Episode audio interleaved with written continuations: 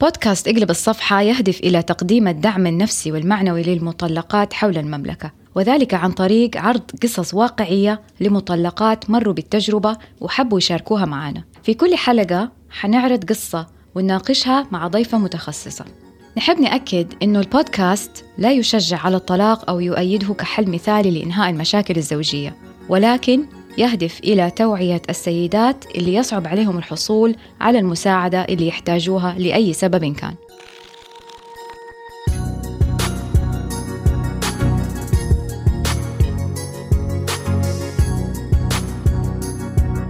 نستمع مع بعض لقصة اليوم ونناقش هذا المحور مع ضيفتنا.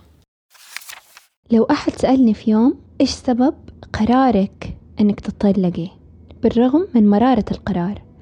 حتكون إجابتي أولادي هم السبب. أكرمني الله بولدين ولو ما كنت خايفة أنه يصيروا نسختين طبق الأصل من بابتهم ما كان مشيت هذه الخطوة.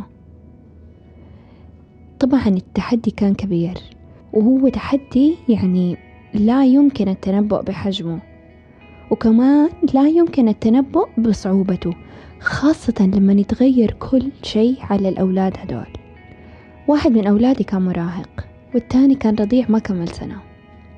التحدي الأكبر اللي واجهته كان ابني الأكبر. بالرغم من إنه هادئ في أغلب الأحيان بس لما تتلخبط الأمور في حياتنا على طول يوجه لي أصابع الاتهام ويقول لي أنت السبب في كل مأساتنا أنت اللي خرجت من البيت. طبعا ما كنت أرد عليه أبدا. يعني كنت أتضايق وأنجرح وأسكت. وأقول حيجي يوم يا ولدي وتعرف إني عملت الشيء الصح. كنت أعذره يمكن عشانه مراهق. وسن المراهقة يغلب عليه التمرد ورغبة في الاستقلالية وكمان يعني الرغبة في التحكم والسلطة.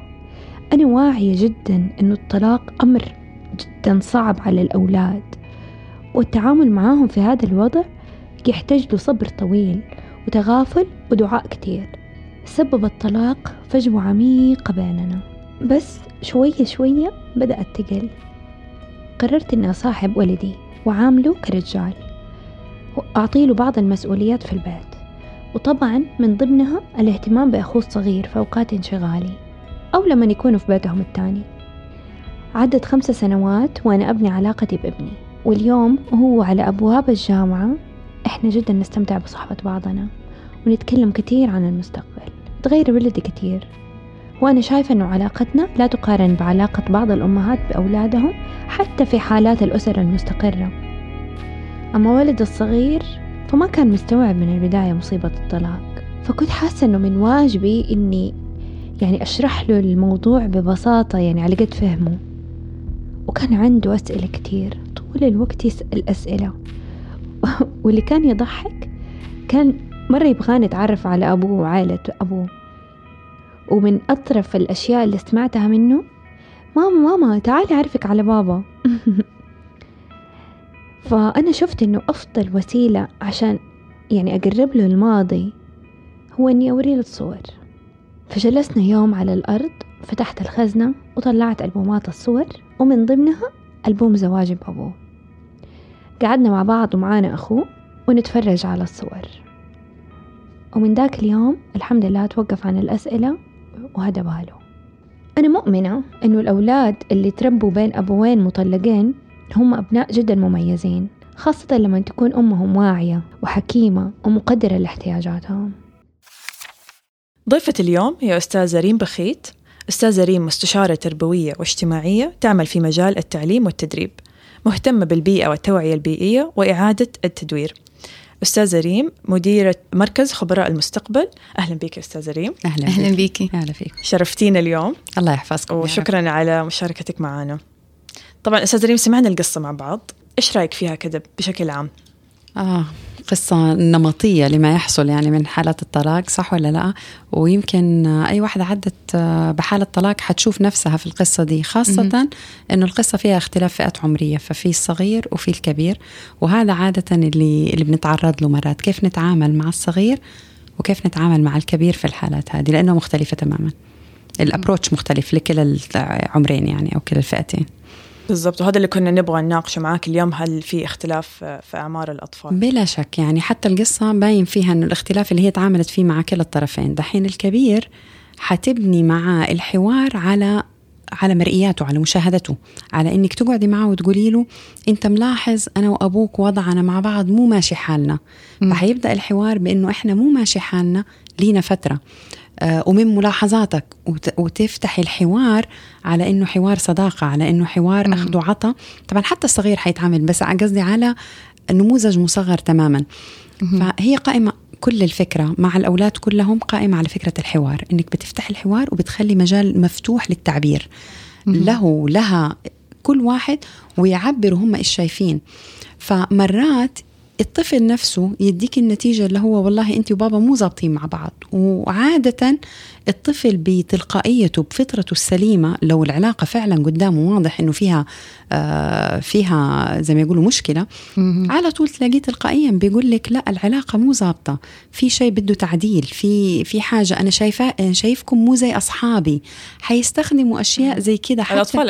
آه، بالضبط وبيقيسوا وأنت تتخيلي أنه هو منه عارف أو منه فاهم لكن حتلاقيه هو عامل قياساته أساسا مجرد ما تفتحي أنت معاه الحوار وتفتحي في أنه هو جزء من الحل اللي انت بدأتي يعني تجري ليه آه حتلاقيه هو بدأ يتفاعل ويديكي مرئياته كمان. ويقول لك حتى إيش الصح؟ ممكن يقول لك أنتوا عيشوا يعني يديك اقتراحات. عاد ممكن يديكي سيبريشن ممكن يديكي طلاق ممكن كل واحد عيشوا مع بعض في البيت بس مثلا كل واحد فيكم ياكل لوحده. يعني حيديكي آه، مرئياته. ومن هنا يبدأ الايه الحل معاه لأنه تخليهم هم جزء من الحل نفسه. كل ما كان أصغر كل ما كان العملية يعني more security أو more ثقة اللي محتاجينها. يعني طفل عمره سنتين لسه منه مستوعب حتكلميه في إيش؟ حتقولي له أنا وبابا ماشي حالنا. حتقولي بلا شك حتقولي مثلا أنا وبابا نحبكم مرة كتير وما حيختلف شيء وإنت تطمنيهم تطمني أيه. بالضبط. لازم الثقه إنه أنا موجودة وبابا موجود. إحنا اثنين موجودين إحنا اثنين معاكم.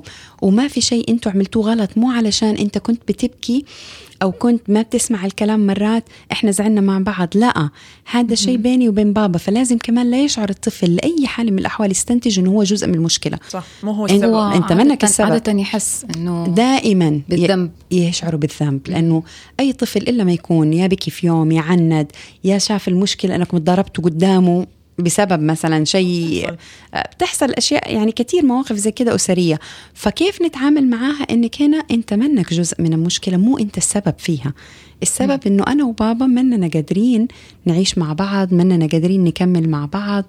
آه بابا مرة كويس أنا كويسة لكن مننا قادرين نكون مع بعض. ممكن أنا أكون كويسة مع شخص آخر وبابا يكون كويس مع واحدة تانية. فتبداي تديله كل الاختيارات الممكنة لحياة آه، أكثر سكينة أكثر هدوءا. فزي ما بقول سنتين عمر بده سكيورتي أكثر أكثر من حوار. أربع سنين بدك حوار. يعني شوفي فرقت في السنتين هذه ما بين سنتين إلى أربع سنوات كم الحوار؟ 14 سنة بدك حوار أكثر وأكثر وأكثر بدك مرة مفاهيم وكل ما كبر العمر كل ما دخلنا في عمر المراهقة لأنك بتضيفي لعمره الجسدي اللي هو أساسا البيولوجي التغييرات اللي حاصلة في جسده كمان أحداث جديدة بيكون أصعب. وبعدين شيء مرة مهم ترى اليد الواحدة لا تصفق. قد ما كانت الأم واعية ومحتوية الموقف لو الأب منه على قدر الوعي أو الإحتواء نفسه صارت عندك برضك مشكلة لابد أنك تدخلي فيها أو تعالجيها. مو بس مشكلة الطلاق لا أنت دخلتي كمان فيما بعد الطلاق. مزبوط ف... فهنا الطرفين لو كانوا على وعي عالي هذا مرة حيسهل الموضوع. وأنا أشوف أنه أجمل طريقة أو الطريقة الأمثل لو بدنا نقول الطريقة الأمثل لمعرفة الأطفال بأنه في طلاق حيتم هو أنه الأبوين يجتمعوا مع بعض في حوار مع الأطفال.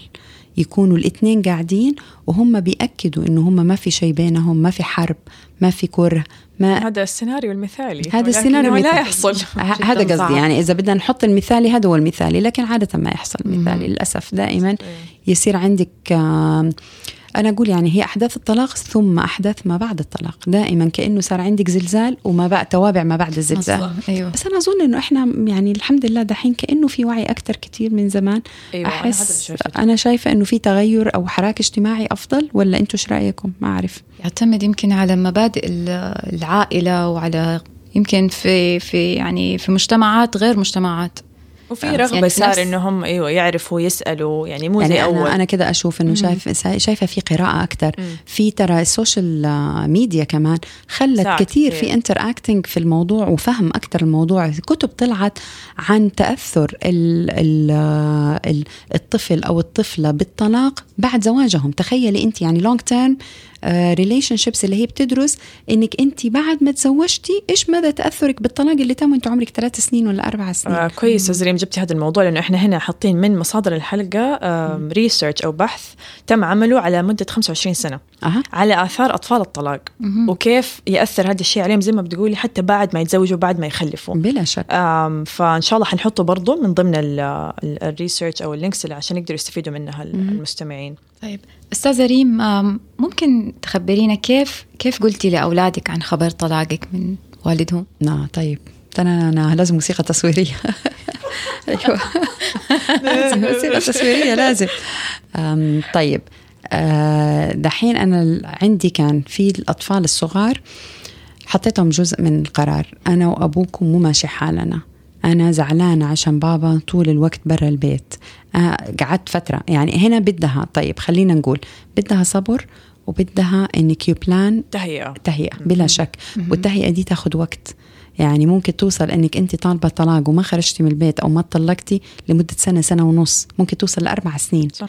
ففي الآخر أنت بحسب الأعمار اللي قدامك وبحسب الوضع أنا ضد تماما ال- القرارات اللي هي آه، أحس إنه ده أسوأ شيء ممكن يطيح على الأطفال اللي هو صريخ وبكى وتركت البيت آه يعني أزمة انفجار بركان أوكي؟ عشوائية. عشوائية أحسنتي بينما أنا زعلانة وأخذ وقتي وأنا أبغى أسيب البيت أنا شايفة أن أنا أبغى أسيب البيت لكن أخذ وقتي في القرار. أخذ وقتي حتى لو طولت إيش صار في الدنيا؟ ما صار شيء. فبالتالي يصير في تهيئة يصير في الأولاد بشويش يعيشوا فترة مثلا أنا أنا بالنسبة لي كده تم عاشوا فترة إنه في انفصال فترة طويلة لا بأس بها يعني. آه وبعد كده آه لا إحنا داخلين داخلين في مرحلة تانية اللي هي مرحلة طلاق بعد الانفصال. مو بس إنه كل واحد فينا عايش لوحده لا إحنا دحين قررنا إنه كمان حننفصل قانونيا معنى أصح وشرعيا. فتبدأ إعادة تي- توضحي إيش معنى انفصال قانوني انفصال شرعي. يعني إيش؟ يعني بابا ما حينام معنا في البيت. حينام في بيت تاني. بابا ما يقدر يدخل كده يعني مم. يبدأ عندك حوار.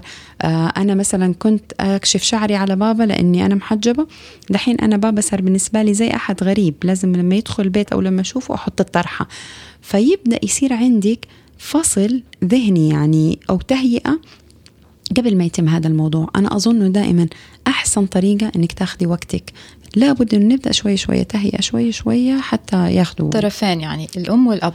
هذا رجعنا نقول النموذج المثالي بس عادة ممكن الشخص اللي قدامك يعاونك شوية ويرجع يتراجع مرة تانية ويصير عندك ups and downs فأنت ما تضمني دائما ما تضمني الطرف الآخر. تصرفي أنت صح و واللي انت شايفاه صح. نرجع مرة تانية. حتى كلمة صح لما أنا أقول لها ما هذه مقياسي أنا. إن أنا شايفة إنه أنا بتصرف صح بس انت شايفاني يمكن بتصرف غلط بمنظورك. ففي الآخر في منظوري الخاص أنا بتصرف بحكمة. وبما يناسب عيلتك وأولادك يناسب- وط- وبيئتكم بيئتي ومرئياتي ونظرتي لكل ولد منهم. حتى كمان يعني أسلوبي مع طفل ممكن يكون مختلف تماما عن الطفل الآخر. صح. فانت لابد تقدري كل واحد فيهم إيش احتياجاته وايش يبغى وكيف تقبل الموضوع. أنا أتذكر إنه ابني عند الطلاق قال لي جملة قال لي آه، أنا شفت هذا الموضوع حيصير. أنا شايف إنه أنتم حياتكم غريبة أساسا. آه يعني حتى يعني فهو شاف إيه. إنه إنه إنه هو حياتنا غريبة. يعني يقول أنا بيوت أصحابي مو كده. فاذا هو استنتج لوحده إنه في شيء غلط. فهذا يساعدك على إنك you go on لأنه في الأخير عندك استنتاج من وسط الأسرة. لما بقيت أخوانه يسمعوا أو أخته تسمعوا إنه هو بيقول كده إذا هنا معناها checkpoint حتى هي لو هي رافضة الفكرة أو خافت أو ارتعبت سمعته هو بيقول كده رجعت آه طيب. تراجع نفسها. رجعت تراجع نفسها. أخويا بيقول كده. إذا أنا لابد إنه يصير في مراجعة لأنه عمل قياس زي ما بقول لك على بقية الأسر على بقية أصحابه إنه لا هم مو عايشين كده أنتوا عايشين شيء غريب. ف... فهنا بقول لك هم يبدأوا يستنتجوا وهم يعملوا support system ف actually support system اللي يصير أنت محتاجة مجموعة دعم أسري عائلي من جوا الموضوع. وأنا أقول إنه ال- الأب كمان منه العدو. يعني في الأخير ما لازم العملية تتحول إنه الأم والأولاد ضد الأب حرام. حيصيروا fair. حزبين منه حزبين هي اكشلي لابد إنه يكون حزب واحد. آه، حزب واحد. حتى لو هم منهم عايشين في نفس البيت. لكن إحنا ما زلنا أسرة ما زلنا حزب واحد. فأرجع أقول هذا الأمثل. الأمثل إنه طبعا حيبدأوا الأطفال في أول شيء بابا قال عليكي كذا يبدأوا يصطادوا العيال في المية العكرة زي ما يقولوا. وليهم هدف واحد إنه يستفزوك عشان يسمعوا أسوأ ما عندك ونفس الشيء يروحوا يقولوا لأبوهم على فكرة. آه يمكن الهدف إنهم يرجعوا الإثنين لبعض يمكن الهدف إنهم يسمعوا أح أوحش حاجة ممكن يسمعوها على الطرف الآخر علشان يعني زعلانين عشان غضبانين عشان بينتقموا. أيوه. فده يصير. صح. فاهداف طفولية بحتة يعني تعامل طفولي بحت. هنا إحنا كيف نتأثر كأدلت أو ككبار؟ كناس عندها وعي المفترض إنه الطفل لما يجي يحكيكي أي شيء لا حبيبي بابا مو كذا بابا مرة خلوق أنت ما تعرف بابا زي الناس شكلك أنا أذكرك. أوكي؟ بابا حتى لو أنت شايفة رأي ثاني حتى لو لك رأي آخر في الأخير تجملي لأنه في الأخير ولا تنسوا الفضل بينكم صح ولا لا؟ فلا بد إلا ما كان في فضل في لحظات هنا ولا هنا. فكيف نكبر الفضل ده؟ ولا يشكر الله من لا يشكر الناس صح ولا لا. ففي الأخير لابد تكبري هذه النواحي تكبريها مرة كثير تخليها قمم. الآن أنت كبرتي وعملتي قمم في أبوهم وعملتي سوبرمان طيب؟ وشفتي إنه الجهة الثانية ما بتتعامل على نفس المستوى بل العكس مرات كثير يجي قهر أو أو شيء للس... للأم بالذات إنه طيب أنا جالسة أتكلم عنك كويس وأنا برفع قدرك قدام الأولاد وأنت في الأخير جالس تعمل فيا أو تسوي العكس. أيوه. تسوي العكس أو تشككهم فيا في أمومتي في حنيتي في رغبتي في يعني هذه أكثر شيء ممكن يقهرك. تكوني أنت devoted mother ومدية كل حياتك ليهم وتلاقي بيجوكي بأشياء مرة سلبية عنك. من البيت الثاني أو بيت ومرات مو الأب مرات أهل الأب يلعبوا هذا الدور يعني. فمو شرط حرام إنه يكون هو الأب بالذات ممكن حماتك ممكن أخت أخته هو إلى آخره. فتلاقي هذه الأشياء تصير محبطات. هنا الآن كيف نوقف هذه المحبطات من إنها توصل لنا؟ كيف نعمل بروتكشن على نفسنا وجدار وقائي إنه هذا الشيء ما يوصل ما يغير أسلوبك؟ هنا بينك وبين الله يعني أنا دائما أقول الشكوى لله سبحانه وتعالى. فحتيجي حتنقهري. إحنا في الأخير بني أدمين. يعني ما في حد يقدر يقول إن أنا والله إيش ما تأثرت. لا كذابة ما تأثرتي. ما في شيء اسمه تأثرتي. طبعا غصبا عنك ما تقدري. لكن كيف تفصليها عن السلوك؟ أنا نقطتي اتأثرت اتضايقت لجأت لركعتين سجدت قلت يا رب من قلبي. يا رب أنت في الأخير أنت العالم. أنت سبحانك يعني أدرى بما في الصدور. ف طبعا تدعي له بالهداية وبإنه ربنا أو أو مين ما كان من طرف الطرف الآخر يعني. ترى مرات إحنا كمان بنتكلم من وجهة نظرنا كسيدات. في الأخير بتسمع قصص من الرجال مرات والله كمان وإحنا هذا في البرنامج بيقولوا لنا كثير إنه إحنا متحاملين على الرجال. إحنا مو متحاملين على الرجال إحنا بس بنوضح وجهة نظر واكيد طبعا بتعدي يمكن هذه القصص برضو بأبهات والأمهات يكونوا هم الطرف أنا المقصر. عدت علي شوية قصص من رجال والله أنا لو ما كانوا يعني أمسك السدي أفرمها. فكيف توقف الشيء ده عندك بحيث إنه ما يطلع في شكل سلوك. فما ينتهي الطفل بإنه بابا بيشتم ماما وماما بتشتم بابا والعملية ما لها نهاية. هم واقعين في النص. هو واقعين في النص. أنا أقول بدها كثير من الحكمة بدها أنه يكون عندك صديقات جيدين تتكلمي معاهم. support system support system لابد. صح. okay. لابد. أحد كبير ترجعي له. مستشارين نفسيين مرات مرة يساعدوا. موجهين سلوك مرة يساعدوا. كل هذه الأشياء. الحمد لله. أرجع أقول الحمد لله الآن توفرت أيوة يا جماعة. الكلام من 30 سنة مو زي اليوم. اليوم ترى هذه الأمور كلها متوفرة وقريبة منك ممكن تلاقيها هنا وبرضه تستغربي لسه في أمهات وابهات رافضين انهم يلجوا لأي مساعدة سواء لنفسهم أو لأولادهم وهذا شيء غريب صراحة. صدقتي. هذا هذا بس يدلك على قلة وعي وكمان إنهم مرة مساكين سجن للعادات والتقاليد. يعني للأسف. هم مسجونين في عادات وتقاليد بلد صح. وما زالوا ساجين نفسهم جوا هذا السجن. طيب إحنا تكلمنا عن بعض الممارسات قلتي إنه كيف لازم نطمن الأولاد إنه مو هم السبب وإنه إحنا حنفضل نحبهم وحتى لو ما صرنا أنا وأبوكم عايشين في نفس البيت. فاحنا لسه أسرة بشكل أو بآخر. إيش في ممارسات تانية؟ يعني أنت من خبرتك في هذا المجال أو برضو من القصص اللي شفتيها. إيش ممكن برضو الأهل يسووا لأولاد عشان يساعدوهم في تخطي هذه الفترة؟ مرة مهم قراءة القصص حول الموضوع. مرة مهم. ال storytelling يا جماعة القصص تختاري تنتخبي قصص فيها آه طبعا حسب اختلاف الفئات العمرية. ممكن لل teenagers أرجع أقول فئات المراهقة تختاري لهم قصص أنت من ال market تسألي تدوري تشوفي قصص بتتكلم حتى لو كانت آه، قصص اجتماعية أو قصص قصيرة حسب كل واحد وإيش قراءته وترميها بين ايديهم وإحنا شوفي سهلنا الموضوع على المستمعين وأعطيناهم لستة بالقصص رائع في ممتاز. قصة بالعربي. آه عندي بيتان لهديل أيوة. العباسي قصة رائعة صراحة آه وفي برضو قصة بالإنجليزي في قصة اسمها Dinosaurs Divorce. وفي قصة برضو اسمها Two Homes. برضو حنحط كل ال- ال- العناوين حقتها وال- أتمنى أتمنى إنه يكون في. مبادرة إنه لترجمة هذه الكتب يا أو- ريت والله دام أو في حتى مو. ترجمة يعني أتوقع ممكن تأليف حتى صحيح. آه بهذه الفئة. وأنا لاحظت إنه مرة في قصور عندنا باللغة العربية للفئة اللي هي ال teenagers المراهقين. صح. ال- ال- جمع الأطفال مع أطفال آخرين برضو من divorce houses. كأنه support system بتعمليه أو أو مجالات دعم. عشان ما يحسوا إنهم لوحدهم. منك لوحدك. بالضبط. شوفوا صاحبتي فلانة أهو أو هم مطلقين كمان ليهم ست سنين مثلا يعني. إحنا شوفوا لينا سنتين هم ليهم ست سنين. تعالوا نتقابل نقعد نتكلم وتفتحي مواضيع تخلي تستفز هذا الموضوع؟ كيف شعوركم مثلا؟ متى تروحوا البابا؟ متى متى تشوفوا سته يبدأ الحوار حول الموضوع هذا بحيث إنه مرات خاصة الأولاد يكون في تحفظ جدا عن البنات في إنهم في فتح الحوارات هذه مع زملائهم. يبدأوا يعني يتحفظوا في هذه المجالات. مثلا تقدري تقولي من تسع سنوات وصاعدا فمن عمر صغيرة تسع عشر سنين يبدأ يتحفظ عن الحوار عن مشاكله الأسرية. فكيف تقدري أنت تفتحي له الباب تحركشي؟ بمعنى أصح حتى يبدأوا يتحاوروا في هذه المجالات مع بعض ويسمع الآخر وي... ويساعدوا لما يسمع. انه والله في بيوت تانية في أوضاع تانية. هدول مثلا إحنا بنشوف بابا كل weekend لا هدول مثلا ما يشوفوا بابا إلا في إجازة الصيف لأنه أبوهم مثلا عايش في مدينة تانية في السعودية. يبدأ يشوف خيارات. يعني إحنا دائما مشكلتنا إنه بنشوف إنه سيستم واحد هو اللي صح. هذا هو النموذج المثالي نقطة على السطر. لا في نماذج كثيرة وكلها صح ما في شيء فيها غلط بس بحسب الظروف. فهنا يتقبل أكثر لظروفه آه لحياته للمتغيرات اللي حاصلة عنده. فأنا أظن هذا برضو جماعات الدعم مرة مهمة. ال- المدرسة لها دور. المدرسة مرة لها دور إيجابي. لابد كيف؟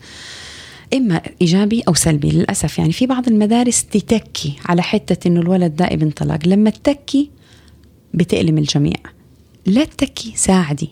مو كل شوية تجيبي الأم وتقولي لها والله ابنك ولا بنتك بتصرف كذا علشان خاطر آه أنتم مطلقين ترى ما ساعدتيها. ادي لها الحلول وساعدي انت كيف انك تبلغي زي ما قلت يا بسمة انك تبلغي المدرسة واحد إحنا عندنا مثلا حالة انفصال الآن أيوه. بتتم فيراعوا الوضع الولد وعلى الأقل تتواصلي مع المرشده الاجتماعيه أو. الطلابية في الفصل أو المرشد يعني أعتقد الاهالي دائما معاكي في نفس ما بيفكروا. هذا شيء مهم يحسب انه خلاص يعني هو خلاص حيتأقلم والمدرسة حتعرف طبيعي و... بس للأسف لا. يا ما نكتشف اكتشافات من خلال الروضة عندي يا ما نكتشف اكتشافات بعد ثلاثة شهور من الطلاق وما في حد بلغنا. طب يا جماعة الخير إحنا معاكم. الولد بيقضي عندي في الروضة خمسة ستة ساعات في اليوم. المدارس سبعة ثمانية ساعات في كيف اليوم. بتأثر على سلوكهم وأدائهم في المدرسة وكل شيء. بلا شك تحسي إنه في تغير سلوك وأنت مفترض تدعمي عاد تنتبهي تكوني يعني خاصة معلمه الفصل الأولى في الأعمار الصغيرة مرة لها دور إيجابي مرة تقدر آه، توفر السكيورتي يعني. آه، فجأة يجي مثلا للمدارس برضه يصير لك عملية إيه؟ لا أبوه لما يجي ما تدوا لابوه ما يصير ما تدوا لابوه لحظة آه، يعني فاهمة؟ يبدأ يصير في حروب والمدرسة تاخذ الجزء الحرب مو جزء الدعم. فه... ف... فبقول لك إيش؟ هنا الوعي يا جماعة. نرجع نقول الوعي مرة تانية. وكيف؟ الحوار مع المدرسة مرة مهم في إنه يدي مسار سليم و support system تاني آه، مجال دعم آخر. طيب إحنا كده ذكرنا ثلاث أشياء الرابع واللي مره رئيسي وأظن يجي رقم واحد العائلة الأسرة من حولك. آه كيف تفرضي على الأسرة من حولك؟ دحين إحنا نتكلم على من دون كسيدات يعني حتكلم على المرأة. مم. كيف أجي أبويا أمي أخواني ما تتكلموا عن طريقي وحش قدام أولادي؟ أنا لا أسمح. مرة مهم. هذا خط أحمر. ما في لو هو قتل قتيل ما في أحد يجيب سيرته بكلمة عاطلة. ما أقبل هذا الشيء. لابد إنه في خط أحمر يتحط لأسرتك كمان حتى تحفظي آه حتى تحفظي لأولادك. يعني آه مقام أبوهم آه وضعه إلى آخره. ما يتأثروا كمان لأنه مرات كثيره تلاقي المشكلة مو في الأب ولا في الأم في من العائلة حوله حولهم. العائلة الأسرة. هي اللي تقول ك- كلام يخربش ويس... والمشكلة هذه الخربشة مرات تكون في القلب تسيب أثر مدى الحياة. أكيد. آه وأنا أقول من الأسرتين طبعا يعني من الجهتين. آه بس دائما نرجع نقول إحنا مسؤولين عن أسرتنا عن من حولنا عن جماعتنا والطرف الآخر مسؤول عن الجماعة الأخرى يعني أو عائلته. لفت نظري كمان سبو يعني وسيلة دعم تانية في القصة نفسها اللي ذكرتوها اللي كنتوا بتقروا كانت الصور حقت الفرح. إنه. ترى مرة مهم هذا الشيء. تعالوا لينا ذكريات مع بعض. إحنا ترى إحنا عشنا كأسرة. إحنا تزوجنا. شوفوا هذه صور فرحنا. هو قال. تعالي أعرفك على بابا. يعني أيوة. هو يحسبها أصلا ما تعرف ما تعرف هذا. أساساً. أيوة. فهي- النقطة هنا بالضبط.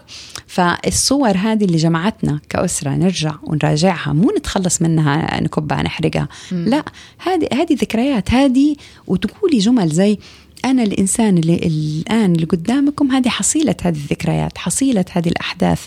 فالشيء الحلو اللي فيا أنا صار معايا وأنا مع أبوكم. فأظن هذه برضو من أشياء وسائل الدعم اللي مرة مهمة. وأظن كمان في رأيي إن الأم عشان تقدر توصل للمرحلة هذه من إن هي تقدر تتكلم عن الزواج أو عن الأيام الحلوة بكل يعني راحة ومن غير ما تكون فيها عندها مرارة. للأسف كثير للسيدات يكون عندهم مرارة بعد الطلاق. بالذات إذا هي ما كانت هي تبغى الطلاق هذا. نعم.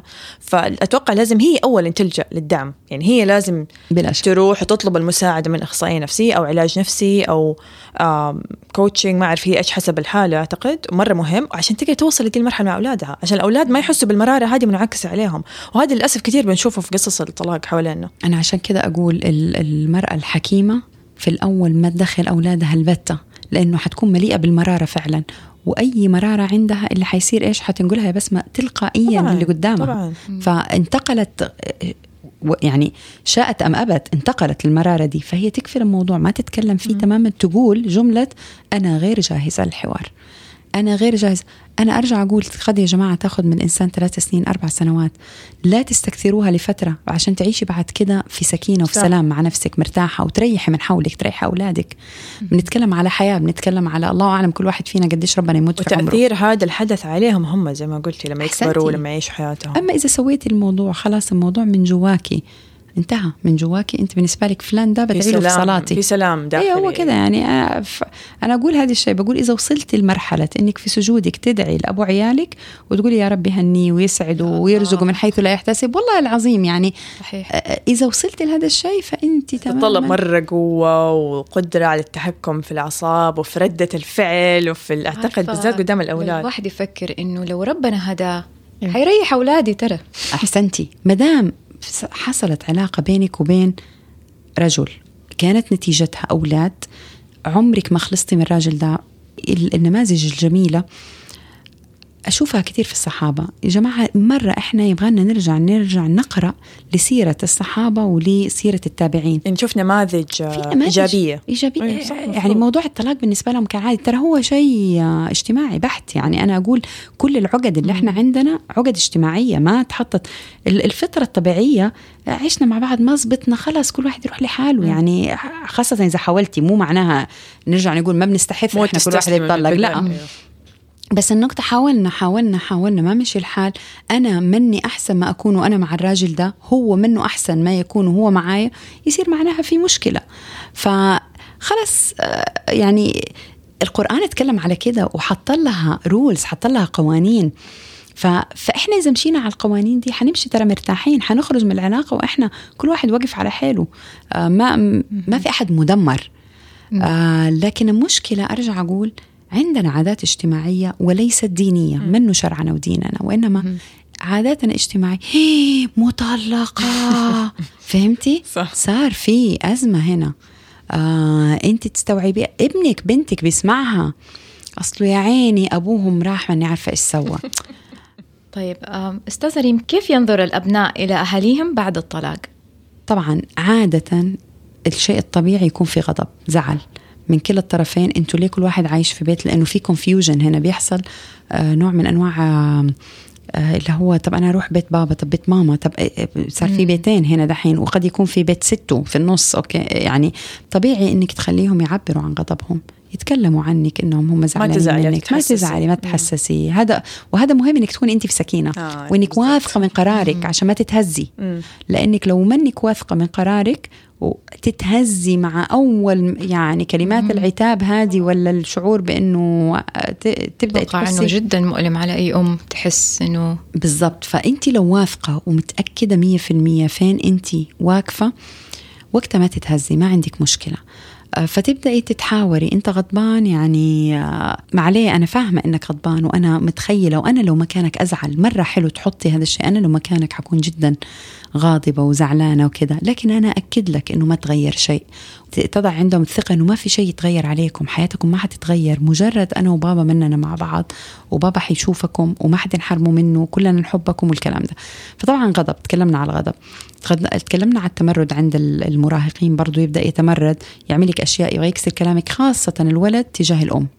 يكون غضبان مرة منها فيبدأ يتحداها بمعنى أصح. العكس يحصل البنت مع الأب. البنت مع الأب برضه تبدأ لأنها مثلا خاصة إذا الأب بدأ يفكر يرتبط بوحدة تانية إلى آخره حتبدأ تطلع له القطط الفطسه زي ما يقولوا في مراته في مرات أبوه. فهنا آه، كل جزء مع الآخر حتلاقيه بدأ يتصرف تصرفات مختلفة. أرجع أقول الأم الواعية الأم. الواعية تقدر تصنع فرق رهيب في العلاقة دي وفي تأثيرها وفي مستقبلها. لو الاثنين على وعي فصدقيني ما عندك أي مشكلة في الطلاق. لو الاثنين على وعي معنى كده انت عندك يعني بالعكس عندك أطفال مميزين قد قدروا على إنهم يتأقلموا في بيتين بدل ما يكون في بيت واحد ويكون ويكونوا مميزين الصراحة إنه بدل ما يكون عنده اوضه عنده أوضتين وبدل ما يكون عنده مطبخ عنده مطبخين والبيت هذا ما يحبوا يطبخوا ملوخية حياكل ملوخية في البيت الثاني. ويصير عندهم قدرة على تحمل مشاكل الحياة أنا أقول لما يكبروا يعني يعني أيوة. ككبار يقدروا عندهم المهارات الحياتية هذه اللي تخليهم ما ينصدموا لو صار شيء مو على كيفهم أو بالزبط. أو تضايق أو زعل. ما هي نهاية الدنيا يعرف إنه هو لا في في أمل بعدين أو في شيء كويس. ويقبلوا الاختلاف قبول صح الاختلاف في حال وتقبل الآخر باختلافه بأوضاعه يعني. كيف شايفة الآن؟ يعني أنت بعد تجربتك كيف شايفة أثر هذا الشيء عليهم الآن؟ أو زي ما قلتي يعني ممكن هو كان أثر عليهم في أشياء سلبية وإيجابية بس في الآخر بشكل عام هل شايف إنه هو أعطاهم فرصة أو أعطاهم زي ما قلنا دروس أو مهارات حياتية ساعدته في حياتهم؟ بلا شك يا بسمة بلا شك. آه دروس مهارات تميز آه قوة. قوة في الشخصية قوة في إنهم آه، لا حنحقق ذاتنا حنعمل أشياء. يعني لا بلا شك أداهم هي كلمة قوة يمكن أكثر شيء معبر للي أنا أشوفه لما طالع في أولادي. أقول كل واحد فيهم آه، يعني كونه ما بين بيتين أدى له قوة عزيمة إصرار أنا حثبت ذاتي أنا حكون شيء متميز بغض النظر عن الآخرين. عشان كده شرع لنا الطلاق ولا ما كان شرع أساسا ما هو إيه، له حكمة. له حكمة أنه ناس بالعكس الأفضل أنك ما تكوني عايشة مع إنسان وأنت في حالة أنه منهم طايقين بعض. طيب خلاصة الكلام. أكثر ما يحتاجه الأطفال أثناء هذه الفترة للانفصال والطلاق هو الطمأنينة والتأكيد على أن الوالدين يحبوهم وهم ليس سبب الطلاق. أستاذة ريم عندك إضافة ثانية؟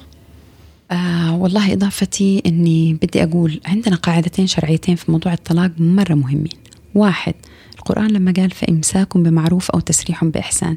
تحسي أنت بتقري هذه الآية أنك مبتسمة في الحالتين. إمساك بمعروف. سبحان الله. تسريح بإحسان. يعني الاثنين المعروف ولا الإحسان شيء في منتهى الجمال؟ القاعدة الثانية هذه القاعدة الأولى الثانية حتكون إيش؟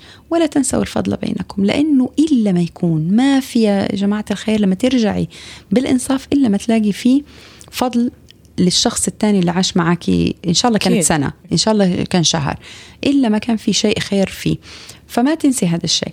آه والشيء الرئيسي اللي أوجه لي مرة ثانية الكلام اللي حختصره في جملة يعني الوعي الحكمة في التعامل آه نسيان الأنا نسيان حتة إني أنا بنتقم لذاتي. أستاذ ريم شكرا. حقيقي الكلام معك لا يمل وما شاء الله عندك حكم كثير نبغى نستفيد منها أكيد. آه لو حابين أحد المستمعين يتواصلوا معك آه تحبي آه تعطيهم آه الاكونت حقك على تويتر إنستغرام فيسبوك إيميل زي ما ريم بخيت في فيسبوك ريم بخيت بالإنجليزي في فيسبوك ريم آه ريم برضه في تويتر نفس الشيء هو نفس ال account حيكون ريم بخيت كلمة واحدة. لو حابين يحصلوا على أي استشارات من المكتب آه، كيف يتواصلوا معك؟ آه ممكن على الواتساب على جوالي على آه إيميل ريم بخيت @gmail.com برضه كلمة واحدة ريم بخيت @gmail.com شكرا أستاذة ريم. شكرا لكم وشكرا مستمعينا. لو عندكم أي مشاركات أو تعليقات يا ريت تتواصلوا معنا على تويتر أو فيسبوك. أو إيميلنا اقلب دوت الصفحة at مع السلامة. مع السلامة.